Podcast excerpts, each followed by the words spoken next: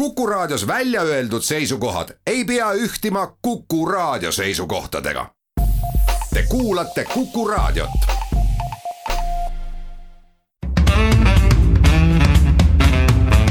muuli ja Riikoja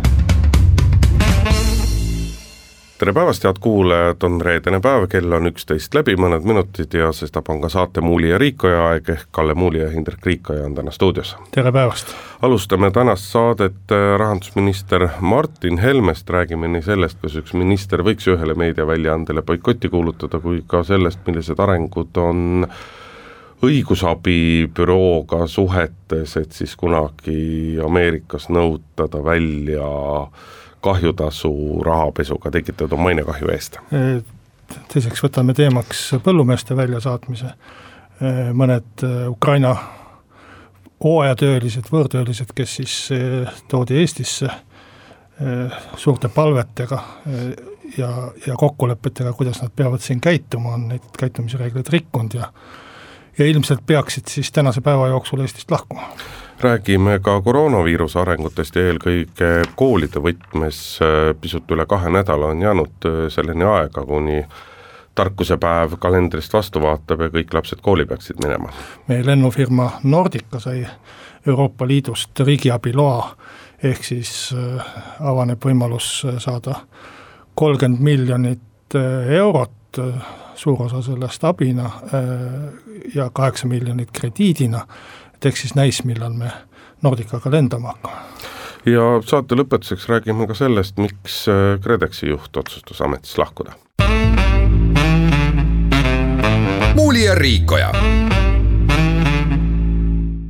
kired selle ümber, miks valiti just nimelt selline Ameerika Ühendriikide advokaadibüroo Eestile appi võimalikus tulevikus toimuvas vaidluses Ameerika Ühendriikides, kus siis äh, rahapesu eest võetakse vastutusele ja ehk mõistetakse kahjutasusid välja nendelt Skandinaavia pankadelt, kes seda siin Baltikumis ja, ja eelkõige Eestis toimetanud on, ei taha kuidagi vaibuda ja eilsel valitsuse pressikonverentsil küsis äh, Delfi ajakirjanik äh, ühe sellekohase küsimuse rahandusminister Martin Helme, Helme käest, kes siis vastas, et ta, Delfi, see on siis see väljaanne, kes libauudiseid toodab, mina ei vasta sellise väljaande küsimustele ja noh, loomulikult tekitas see üksjagu elava arutelu teemal, et kas üks minister tohib keelduda mõne meediaväljaandega suhtlemast või mitte ja aga ka nagu sellist lõputut hädakisa siiski ei tõusnud. no vaatame, mis tänane päev veel toob. jah, ma ootasin tegelikult pool päeva seda, et eh, kuna suuremad portaalid, neil läks jupp aega aega, kuni nad jõudsid reageerida sellele keskpäevasel pressikonverentsil toimunud vahejuhtumil ja nii-öelda ei tõtanud seda kohe esimese hooga avaldama, et huvitav, kas siis nüüd juhtub nii, et eh, meediaväljaanded teatavad, et nemad hakkavad hoopis Martin Helmet boikottima või mitte, et eh, et ega see noh, see küsimus on nagu elupõline, et eks seda varemgi on juhtunud ju, et see on või..., see on üsna tavaline isegi ma ütleks Eesti poliitika ja meediasuhetes ja mitte ainult Eesti, ega kui sa Ameerika Ühendriike, keda võib ju mingis mõttes demokraatia hälliks nimetada või, või vaba ajakirjanduse hälliks, kuidas iganes, noh, päris seda ta ei ole, aga, aga seal on üsna tavaline presidendi konflikt äh, ajakirjandusväljaannetega samal tasemel või hullemal. ei no president Toomas Hendrik Ilves ei suhelnud aastaid, ju sisuliselt aastaid ei sisu, ei suhelnud väga paljude meediaväljaannetega. Tintla oli tal üks nimetusi, mida ta kasutas väga sageli. muuhulgas ka Kuku raadiole ei andnud ta ikkagi väga pikk, enamuse oma ametisolekust no olid solvunud ei noh, mis ma nüüd solvunud olin pentsik oli lihtsalt, aga ühtegi pikemat usutlust ei andnud ta meile ikka väga pikki kui juba mälestuste heietamiseks läks, siis ma ei jäta kunagi juhust kasutamata, et ka mälestusi jagada. minu kõige selline äh, teravam kogemus äh, äh, ajakirjanikuna oli kindlasti see, kui kui peaminister Tiit Vähi teatas, ma arvan, et üheksakümne kuuenda aasta sügisel, et niikaua, kui Kalle Muuli on Eesti Päevalehe peatoimetaja, mina ühegi Eesti Päevalehe ajakirjanikuga ei suhtle. kumb murdus? Mina teadsin vastuseks sellele, et sel juhul sa ei saa väga kaua peaminister olla, sellepärast meil on vaja peaministrit, kes suhtleks ja, ja oli nii, et ma arvan, et Tiit Vähi oli umbes neli kuud ametis ja mina olin veel neli aastat ametis. et võiks öelda siis, et Tiit Vähi murdus. no noh, tegelikult on see muidugi nagu jabur selles mõttes, et Delfi on vaieldamatult Eesti üks suuremaid nii-öelda meediakanaleid, et Postimehe online-väljaandega nad, nad niimoodi kemplevad, kord on piibeleht all ja pisuäänd peal ja siis jälle vastupidi selle üle, kes kõige suurem on, et et loomulikult nii-öelda on võimalik, aga noh, elu on siiski näidanud, et üldiselt läheb äh, üldiselt läheb poliitikutel ajakirjandust vaja rohkem kui ajakirjandusel poliitikuid. Ja aga, aga samas jälle noh, vot Martin Helme on paistnud noh, kas või seesama, seesama vaidlus, mis on viimased paar nädalat käinud või arutelu siis selle üle, et kas sai valitud õige advokaadibüroo ennast esindama või mitte, et ega seal ju ka paistab kõik välja, või noh, paistab väga selgelt välja see, et et poliitilisest kogenematusest ja teadmisest, teadmatusest on tehtud nagu otsused. Noh, ma ei taha öelda, et rumalusest, aga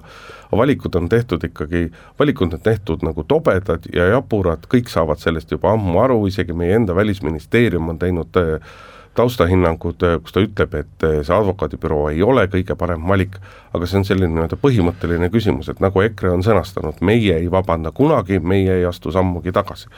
et see vastasseis, ma arvan, kestab nii kaua, kuni Martin Helme on rahandusminister. no tegelikult ju äh,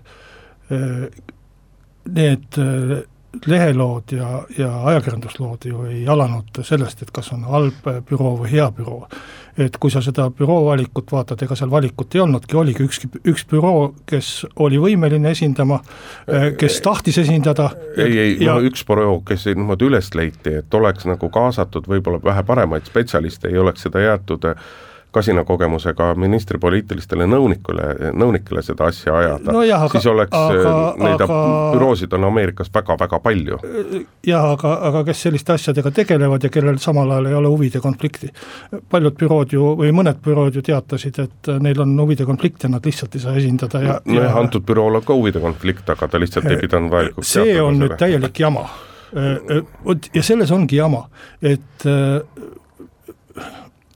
kui tuleb äh, nii hästi Ameerika äh, õigussüsteemi äh, tundev advokaat nagu Leon Glikman ja ütleb päev pärast Eesti Päevalehe ja Delfi loo ilmumist, et tema nende materjalide põhjal mingit huvide konflikti ei näe, siis Leon Glikmanit ei maksa küll kahtlustada EKRE sõbralikkuses, valitsuse sõbralikkus ega, ega üldse erapooletuses selles küsimuses. aga kui Välisministeerium teeb taustahinnangu, kus ta ütleb, et see ei ole kõige parem büroo ja siin võivad olla huvide konfliktid, kas siis eh, seda ei tasu uskuda? välisministeeriumi memodes sellist sõna nagu huvide konflikt ei ole olemaski kui keegi vaevuks seda lugema. ja nüüd on minu meelest ajakirjandus ka lugenud seda, äh, vähemalt need Delfi ja, ja Eesti Päevalehe omad, välisministeerium ei maininud üldse mingisugust huvide konflikti, sest ta leidis, et seda ei ole seal või vähemalt ei, ei, ei avastanud seda. nüüd on teinud Riigikantselei suure uuringu ja Riigikantselei ma,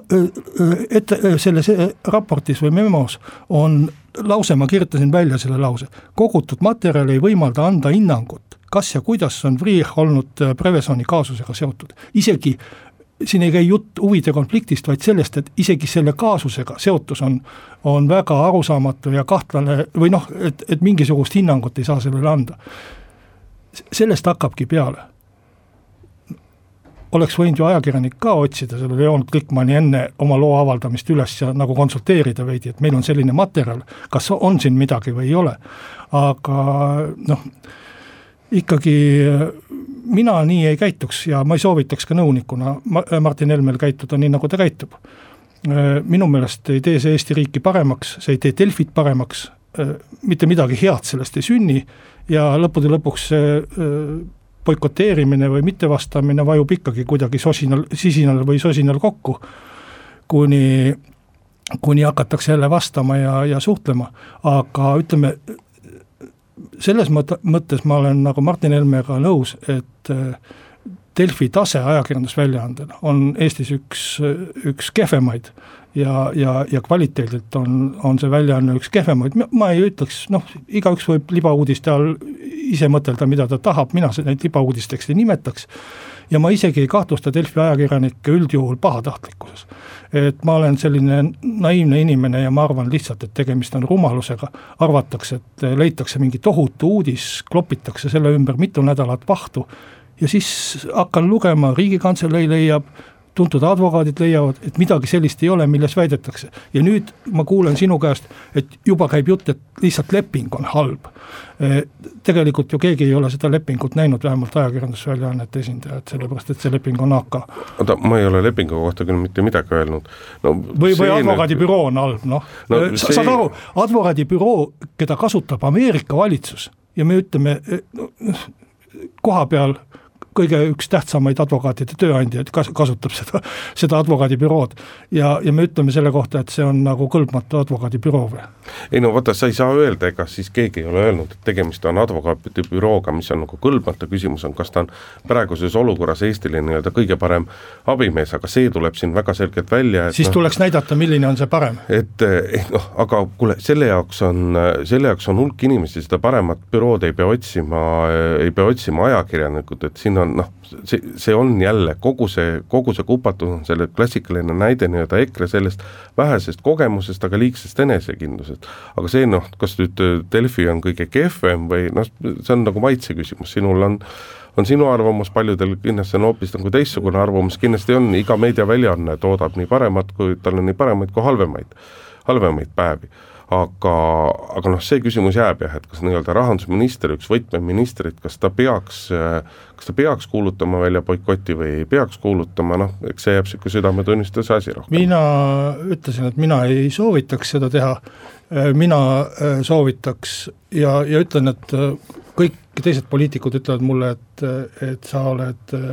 naiivne ja, ja, ja nii edasi selle jutu peale, mida ma nüüd räägin. mina soovitaks võtta need Delfi ajakirjanikud laua taha, seletada neile, rääkida lepingust äh, põhjalikult A ja B ja C, äh, mina soovitaks alati inimesi harida. muuli ja Riikoja räägime siis, ma ei tea, mitmendat korda juba nendest äh, õnnetutest Ukraina põllutöölistest, kellest äh, nüüd äh, väike osa, vähem kui kümnendik on saanud väljasaatmisotsuse selle tõttu, et nad on rikkunud siin Eestis viibimise reegleid, eelkõige siis karantiinireeglit, on sel ajal siis kas töötanud või mitte viibinud karantiinis. Ja noh, eks põllumehed, kes siis on neid siia toonud ja, ja palganud, on nüüd äh, püüdnud võimelda siia ja sinna ja leida neid äh, lahendusi, kuidas nad saaksid siiski Eestisse jääda.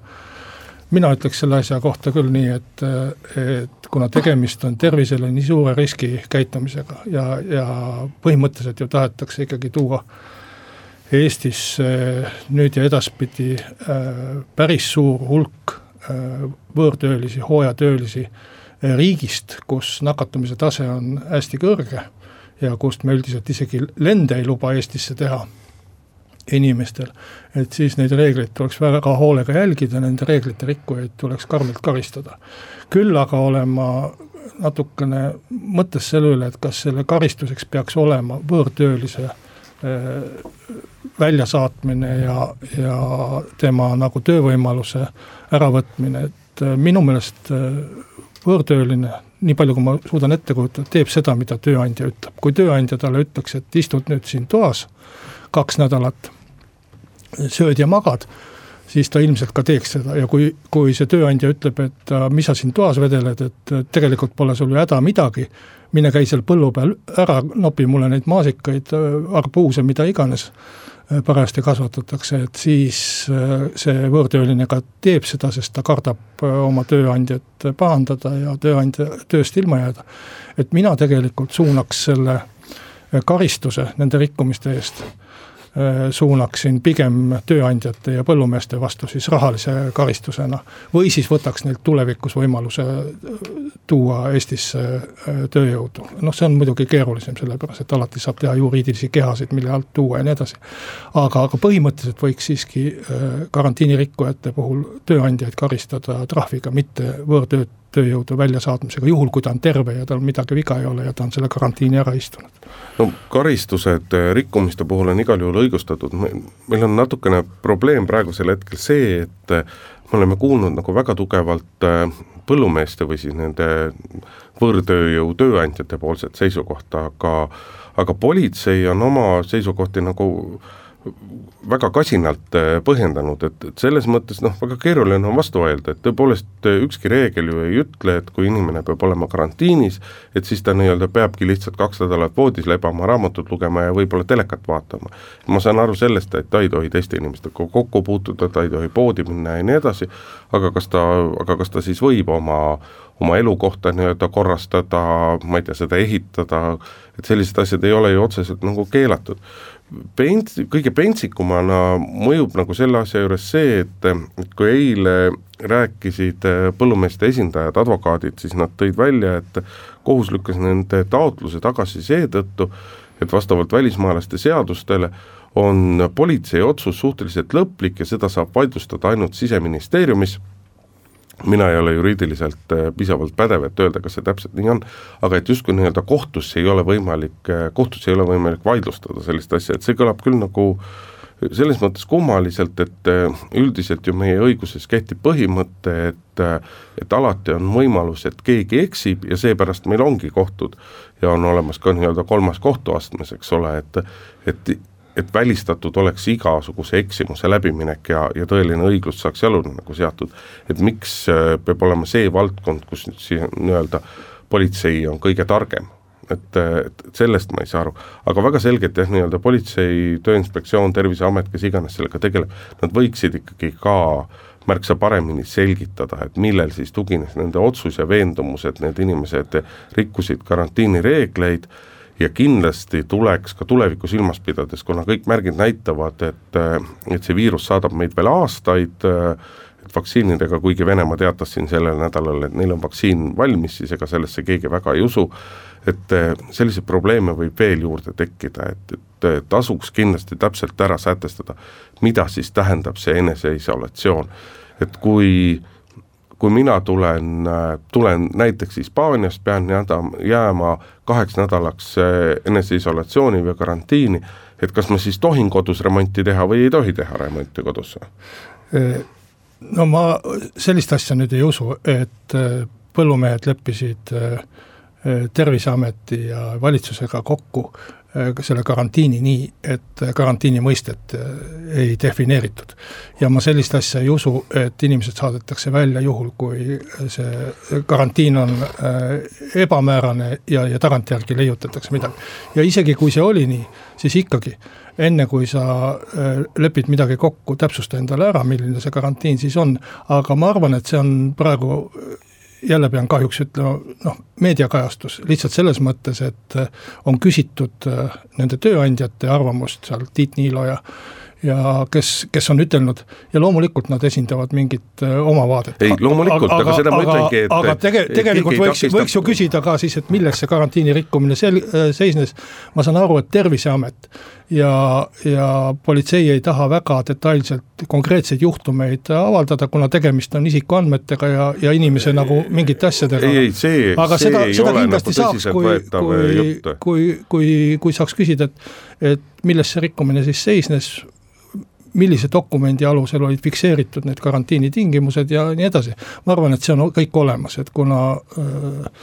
kuna nii politsei kui prokuratuur, nad ei äh, saa teha ühtegi ettekirjutust ega ühtegi asja lihtsalt nii, et vaatavad laenurka, et nüüd meile tundus, et see, see ei olnud ikka päris karantiinireeglite järgi. ma olen sinuga täiesti nõus, aga seda ma ütlengi, et et Terviseametit on küll väga selgelt kas või meie enda raadios küsitud, et mis siis need probleemid olid, aga aga need, need, need selgitused on pehmelt öeldes segased, et, et, et oleks rohkem vaja selgitust, oleks rohkem vaja selgust, oleks rohkem vaja nagu arusaamist, et noh, et eile opositsioonisaadik äh, Ivari Padar ütles, et tegemist on nii-öelda nüüd poliitilise kättemaksuga äh, põllumeestele, sellepärast et nad julgesid valitsusele vastu hakata, et kas Ivari Padar tahab öelda siis, et Terviseamet ja politsei on nagu poliitiliselt mõjutatud oma tegevuses? prokuratuur veel lisaks sellele? ma nagu ta, ka päris uskuda ei taha, et, et oleks vaja rohkem selgitust ja selgemaid reegleid, aga siinkohal teeme pausi, kuulame ära pooltunni uudised ja läheme pärast seda saatega edasi Muuli ja Riikoja. tere tulemast tagasi, head kuulajad, Muuli ja Riikoja läheb edasi, Kalle Muuli ja Hindrek Riikoja on stuudios. Räägime nüüd äh, koroonast, äh, koroonaviiruse seis Eestis on no ütleme, tegelikult on ta ikkagi nii-öelda läinud jälle üksjagu tõsiseks, et asi ei ole nii hull, kui ta oli kevadel, aga haigestumus on tõusnud, viimastel päevadel muidugi jälle on on numbrid olnud väiksemad, on ka nullipäeva vahele sek-, sattunud, mis lubab nagu arvata, et võib-olla tõepoolest oli siis tegemist ainult nii-öelda Tartu mõne ööklubi asjaga ja sealt alguse saanud asjaga. oli, oligi, et see oli ikkagi lokaalne kolle aga järjest teravamalt äh, kerkib esile küsimus sellest, et kuidas alates esimesest septembrist koolid edasi äh, toimetavad ja koolijuhid on on väga selgelt öelnud, et oodatakse Haridusministeeriumilt selgeid juhiseid ja, ja võimalikult täpseid juhiseid, et ei jäetaks koolidele liiga palju vaba tõlgendamisruumi. see on, muidugi selles mõttes on nagu see olukord on, on kummaline, et ühest küljest meil justkui koolide kontekstis räägitakse sellest, kuidas kuidas lapsed peavad väga selgelt nii-öelda distantsi hoidma koolis ja tuleb viirusega arvestada ja samal ajal tuleb kultuuriminister valitsusse sooviga, et kõik kultuurisündmused, kaotame sealt nüüd piirangud ära et, et viiekümne protsendi nõue ära ja kaks pluss kaks nõue ära, et kinosaalid võib teas, täis müüa, teatrisaalid võib täis müüa, kontserdisaalid võib täis müüa. Noh, minu meelest need asjad ei ole omavahel vastuolus, et tegemist on ju ikkagi erinevate kohtadega. Kui sa lähed teatrisse või kinno, siis sa seal viibid kaks tundi, saalis sa väga ringi ei liigu, võib-olla ainult kuskil koridorides ja, ja nii edasi, nii edasi, on ka seltskonna vanus on erinev. mis vahet seal on? seal on see vahe, et et ühed inimesed on võib-olla nakatumise suhtes teadlikumad ja oskavad ennast paremini hoida eh, ja, ja võib-olla, et ka saavad eh, noh, näiteks kehalise kasvatuse tunnis on natuke teistsugune olukord kui, kui teatrisaalis, eks ju, sa kujutad ju ette. ei no jaa, aga see kaks tundi, kaks pool tundi, mõned pisut pikemalt, mõned pisut vähemalt, see on nagu piisavalt, piisavalt palju aega, et inimesed jõuaksid hingata, mõni inimene aevastada ja, ja sellest kõigest piisab aga, selles väikses aga, teatrisaalis. aga ma pidasin selle erineva olukorra all silmas eh, ka seda, seda, et kooli puhul on sul koolikohustus, sa pead kooli minema, seadus käseb. teatri puhul sul teatrikohustust ei ole, et sa ikkagi ostad ise vabatahtlikult pileti ja sa saad valida, kuidas su tervislik seisund on, kas ma olen köhane ja nohune ja lähen teatrisse või ei lähe. ei no ega sa kooli samamoodi köhase noh, nohu nohuks, eks ole, aga köhasenna palavikuga, eks ole,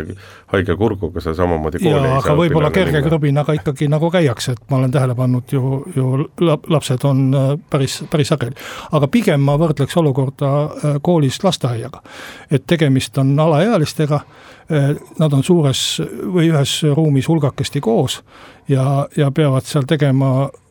noh, mingit õppetegevuse või, või siis liikumisega seotud asju. ja selles mõttes, kui küsitakse, et noh, lapsed peavad nüüd kooli minema, siis ma küsin, et lapsed lähevad lasteaeda ka ja ei ole probleemi mingit. aga mulle tundub, et äh, see teema on tõusetunud pigem lastevanemate ja õpetajate poolt sellepärast, et äh, räägitakse, et noh, pole juhendeid et me oleme teadmatuses ja nii edasi. et selle kohta võiks küll ütelda, et ega see, neid juhendeid väga varakult ei saagi anda sellepärast olukord muutub. et kui sa teeksid kevadel juhendi sügiseks, noh, sa tegelikult ei, võib-olla pead selle juhendi siis nädal enne ära muutma, nii või teisiti. et, et see ongi meie noh, selline traagika või nõue, et me peame vaatama tõesti iga päev seda olukorda ja see juhend, mis kehtib täna võib-olla ei kehti enam kahe nädala pärast. Ja nii tulebki elada, midagi ei ole parata. ei nojah, aga vaata mingisugused eesmärgid, mina saan koolijuhtidest küll väga hästi aru, kes küsivad neid juhendeid, koolini on jäänud pisut enam kui kaks nädalat, need koolimajad tuleb valmis seada, õpetajaid tuleb juhendada, personali tuleb vajadusel koolitada, soetada, ma ei tea, erinevaid desovahendeid, kõike selliseid asju, aga noh, vanemate hirm väga selgelt muidugi on see, et ma ma julgen üldistada, et valdav osa vanematest kardab nagu põrgutuld seda, et jälle toimub äh, nii-öelda koolide sulgemine ja distantsõppele üleminek ja uut paarikuulist distantsõppeperioodi see on natukene võib-olla utreeritud, aga lapsevanemad üle ei ela, noh, ma mõtlen kas või oma perekonna peale, et et meil on kolm koolis käivat last ja üks lasteaialaps ja kui me peaks ja ma, ma tõesti ei kujuta ette, kuidas seda nii-öelda nagu veel kord teha, ilma et et kõik väga kannataks ja, ja noh, mis kõige olulisem tegelikult, armastatakse rääkida, et Eesti koolid ja Eesti õpilased said suurepäraselt distantsõppega kevadel hakkama. Mina väidan, et tegelikult ikkagi hariduse kvaliteet kannatas selle all no see, selge see, et äh, silmast silma ja, ja ikkagi isikliku kontakti kaudu õpetamine on tõhusam kui interneti teel, selles ei kahtle ilmselt keegi. aga noh, kui me räägime, et tuleks, et, et võiks tulla jälle sügisel mingisugune äh, tohutu viiruselaine noh, selge see, et siis me peame ka rakendama väga karme abinõusid. pigem on lootus ikkagi selles, et see, see laine või see nakatumine ei tule nii hull ja minu teada järgmise nädala algul haridusministeerium siiski selle juhendi saadab ja, ja kindlasti ei ole seal juhendis vähemalt praeguse viiruse taseme puhul mingisugust juttu sellest, et, et lapsed kooli ei lähe. et jutt käib ikkagi sellest, et kooliaasta algab ja, ja lapsed lähevad kooli ja siis aga mi... on selles juhendis juttu ka midagi kehalisest kasvatusest? ma ei ole, ma ei ole lugenud üks..., ma, ma olen ainult kuulnud ja, ja selliseid detailseid küsimusi ei ole esitanud. sest et üks asi jah, millest on räägitud, et eh, noh, nii-öelda kehalise kasvatuse tunde, kus on väga aktiivne liikumine, pingutust, viirus levib ka rohkem, tati pritsi, pigi lendab, eh, et justkui kehalise kasvatuse tunnid võiks ära jätta, et noh, arvestades muidugi meie äh, meie koolila-, koolilaste nii-öelda keskmist füüsilist, füüsilist taset, sportlikku vormi ja kõike seda muidugi kehalise kasvatuse tundide ärajätmine ikka mõjub väga kurjasti. no kehalise, kehalise, kehalise kasvatuse tunnis saab ka ju erinevaid asju teha, et ei, ei pea maadlema tingimata ja mingisuguseid selliseid väga lähedasi kontaktseid alasid tegema. aga noh, päris male ja kabe ei ole ka hea lahendus. noh jah, aga, aga pigem on, ma arvan, et nende juhendite küsimus on pigem selles, et no me kujutame ette, mis, mis asju võiks koolis rakendada ja mida üldse saab rakendada, eks ju, mingid äh, kätepesunõudeid, mingisuguseid äh, jalutamisnõudeid, mingisuguseid selliseid asju, kui, kui lähedale lapsed üksteisele peavad minema, eks see sõltub ka koolimajade võimalusest, mitte ainult juhenditest. Aga kõige keerulisem küsimus on ju siis, et see, et kui nüüd koolis tõesti juhtub mingi nakkus, kellelgi on viirus, tuvastatakse, avastatakse, et kuidas siis käituda, et kas panna terve kool kinni, panna klass kinni, kontaktsed, kui kauaks kinni panna, sest hoolimata sellest, et räägitakse, et lastel see viirus kas ei levi üldse või, või siis levib vähe või ei avaldu väga tugevalt ja nad põevad kergelt. koolis on ju siiski päris eakaid õpetajaid ja, ja, ja kõigi tervisekaitse on oluline ja peale selle ju kodud, et ega siis öö, ohus on ju ka need inimesed, kes kodus on, juhul kui lapsel on viirus ja, ja koolis levib, viirus. nii et ma arvan, et kõige rohkem tuleks mõelda selle peale, et kui see viirus kuskile satub, et mis siis on. kuni teda ei ole, seni on ohutusreeglid ju ilmselged ja, ja suhteliselt arusaadavad ja neid tuleks siis ka jälgida. mida ma ka lapsevanemana kindlasti ootaksin, on kuna me ei saa välistada võimalust, et on ka nii-öelda üldine kaugõppe vajadus ikkagi uuesti tekib, et kohe kooliaasta alguses võiks võiks koordineeritult ja selgelt tegeleda selle küsimusega, et milliseid äh, IT-lahendusi ehk milliseid programme kasutatakse Eestis kaugõppe jaoks ja et äh, need programmid õpetatakse selgeks nii õpilastele kui õpetajatele, sest et see oli kevadel üks suurimaid probleeme. et võib olla ju hulk peene digitaalseid abivahendeid, aga neid ei osata kasutada, sellepärast et seda,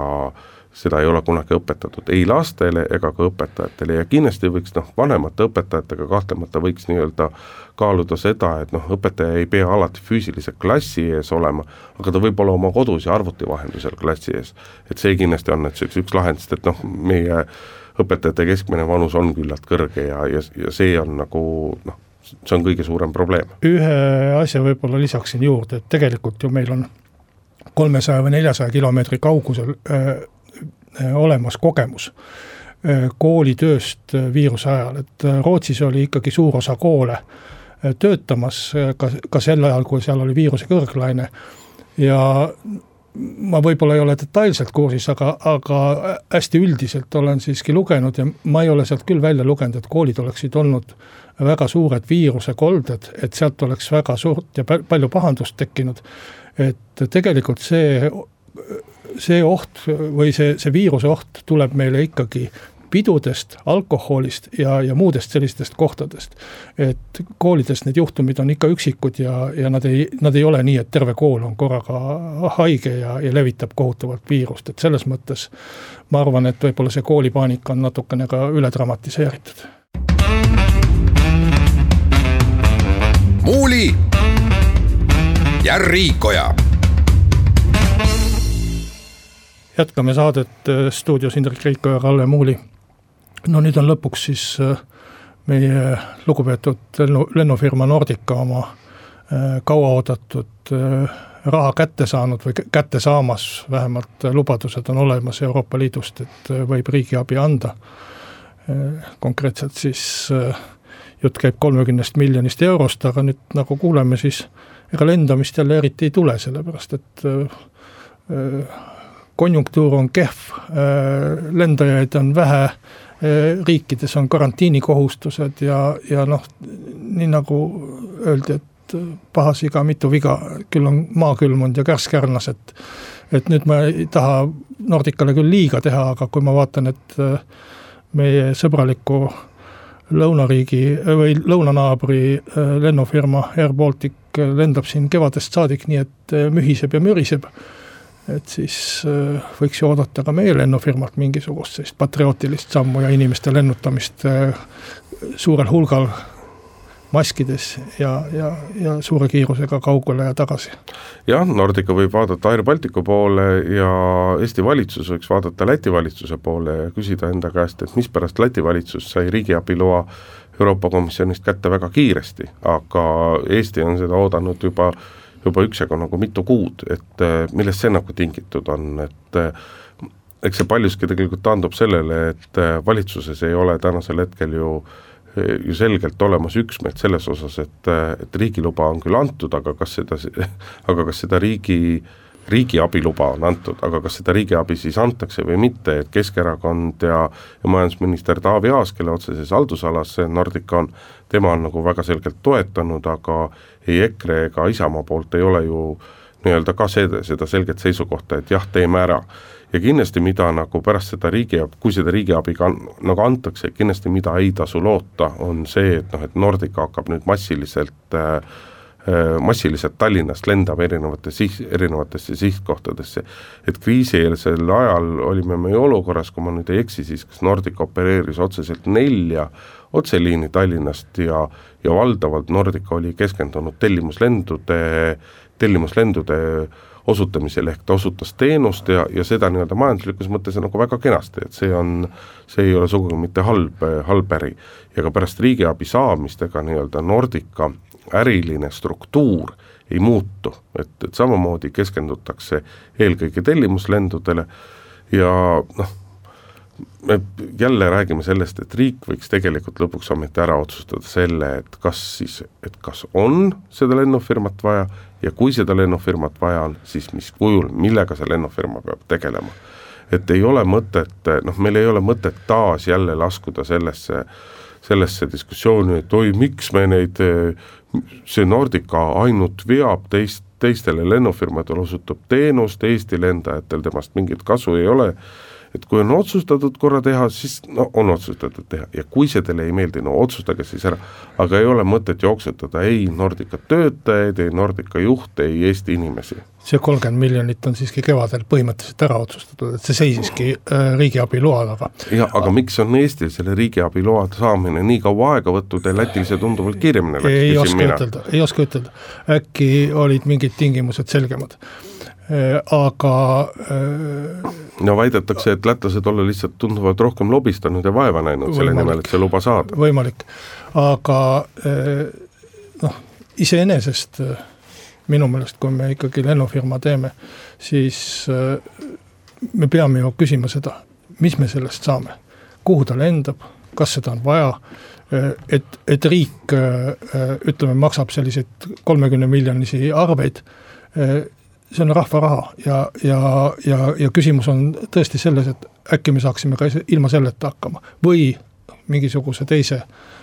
konstruktsiooniga siis, et maksame kellegilt või tellime kelleltki või, või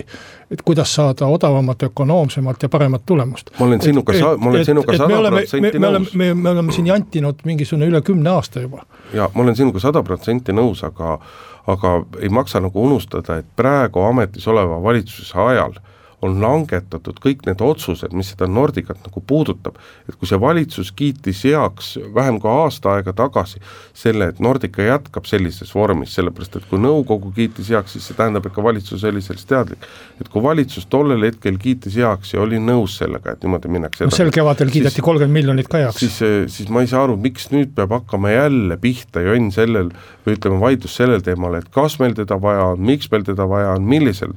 no meil teda vaja on, et, et kulla, kulla inimesed, kallid ministrid, et te ju, te, te olete need otsused ise juba teinud, et las siis nüüd see asi läheb sedapidi. ei no äh, küsimus tekkis ju sellest, et kolmkümmend miljonit taheti juurde saada. et äh, kui, kui raha juurde küsitakse, siis tuleb alati ju küsida ka seda, et mis me selle raha eest saame. ei, seda küll, aga noh, kas, aga see, kas see on nagu koht, kus strateegiat peab hakkama muut-, muutma? see strateegia on ju lennufirma äh, küsimus, nõukogu ja, ja, ja juhatuse küsimus. E, aga poliitikud peavad kindlasti aru äh, küsima selle eest, mida maksumaksja raha eest siis tehakse, et see on nagu ilmselge. seda loomulikult, aga noh, üks asi on strateegia ja teine asi on konkreetse raha kasutamine kriisiolukorras Muuli ja Riikoja. ja räägime saate lõpetuseks kiiresti ka KredExist, sellel nädalal avalikkuse jaoks ootamatult tuli teade, et KredExi juhatuse esimees Lehar Kütt on otsustanud ametist lahkuda, nõukoguga, nõukoguga on kokku lepitud, et oktoobri alguseni on, on mees ametis ja põhjendas tema ise seda siis nii-öelda erimeelsusi selles osas, et kuidas KredEx peaks edasi minema või mitte. jah, noh võiks ju või ütleme niiviisi, et Lea Kütt on oma väljaütlemistes ja, ja lahkumisavaldustest olnud meeldivalt viisakas, eriti võrreldes mõne teise inimesega, kes on sunnitud olnud lahkuma sellepärast, et tema ettevõttes kõik asjad ei meeldi nõukogule ja on olnud mingisugused tööalased konfliktid, et kui ma tema tööintervjuusid loen, siis ma tahaksin olla tegelikult sama viisakas ja sama äh, vaoshoitud äh, kõnepruugiga kui tema, aga noh, äh, samas on ka ilmselge, et KredEx ei, ei ole olnud väga tõhus ettevõtjate toetaja kriisiolukorras see, võiksime ilmselt kolmetunnise analüüsi tekitada sel teemal, et mis seal valesti on ja kes on süüdi ja, ja, ja kes peaks vastutama ja ja nii edasi. aga, aga fakt on see, et ettevõtted su,, suur osa ettevõtteid, ma ei räägi siin mõnest väga suurest firmast, mis on saanud valitsuse poliitiliste otsuste toel äh, palju raha, aga selline tavaline ettevõtja on KredExist ikkagi väga halbadel tingimustel äh, toetust saanud või ei ole üldse saanud. Ja, ja see on äh, mu meelest suur probleem, et kui me räägime siin riigi toetustest, siis alati öeldakse, et vaata, kui hästi hakkas see Töötukassa toetus tööle. Aga keegi ei ütle, et küll hakkasid hästi KredExi toetused tööle. ehkki KredExile anti ka palju raha ja tal oli võimalus äh, kehtestada oma tingimusi ja nii edasi no. see, see, see, see ongi tegelikult probleem ma ei tea, milline ametnik, kas see oli Lehar Kütt või oli see mõni nõukogu liige või, või mõni teine juhatuse liige või kõik nad koos on tekitanud sellise olukorra, ma ei suuda seda eritleda, aga, aga fakt on see, et KredExi panus Äh,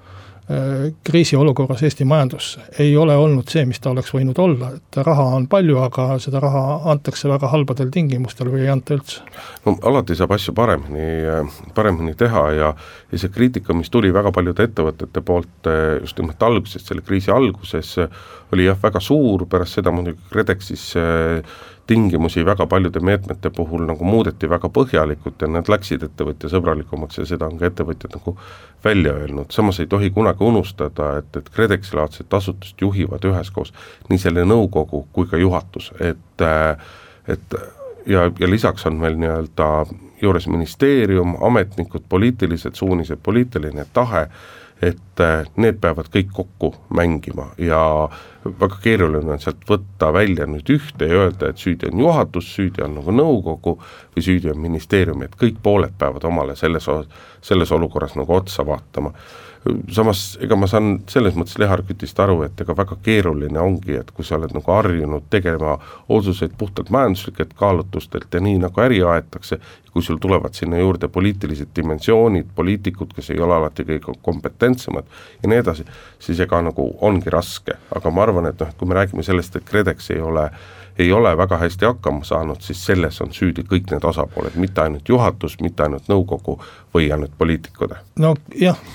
üks asi on tegutseda tavalises olukorras, milleks KredEx oli ju tegelikult loodud ja teine on kriis, kus sa pead tegema erakorralisi otsuseid ja erakorralisi samme ja hoopis, hoopis võib-olla teistel alustel tegutsema. Et eh, nii see on, aga samas ma arvan, et ei maksa teha ka ühe asutuse juhi eh, lahkumisest või jäämisest või eh, mingisugust kohutavat traagikat, et loodame, et läheb paremaks aga Kalle Muuli, Hindrek Riikoja tänavad teid kuulamast, saade on läbi ja kuuleme jälle nädala aja pärast. muuli ja Riikoja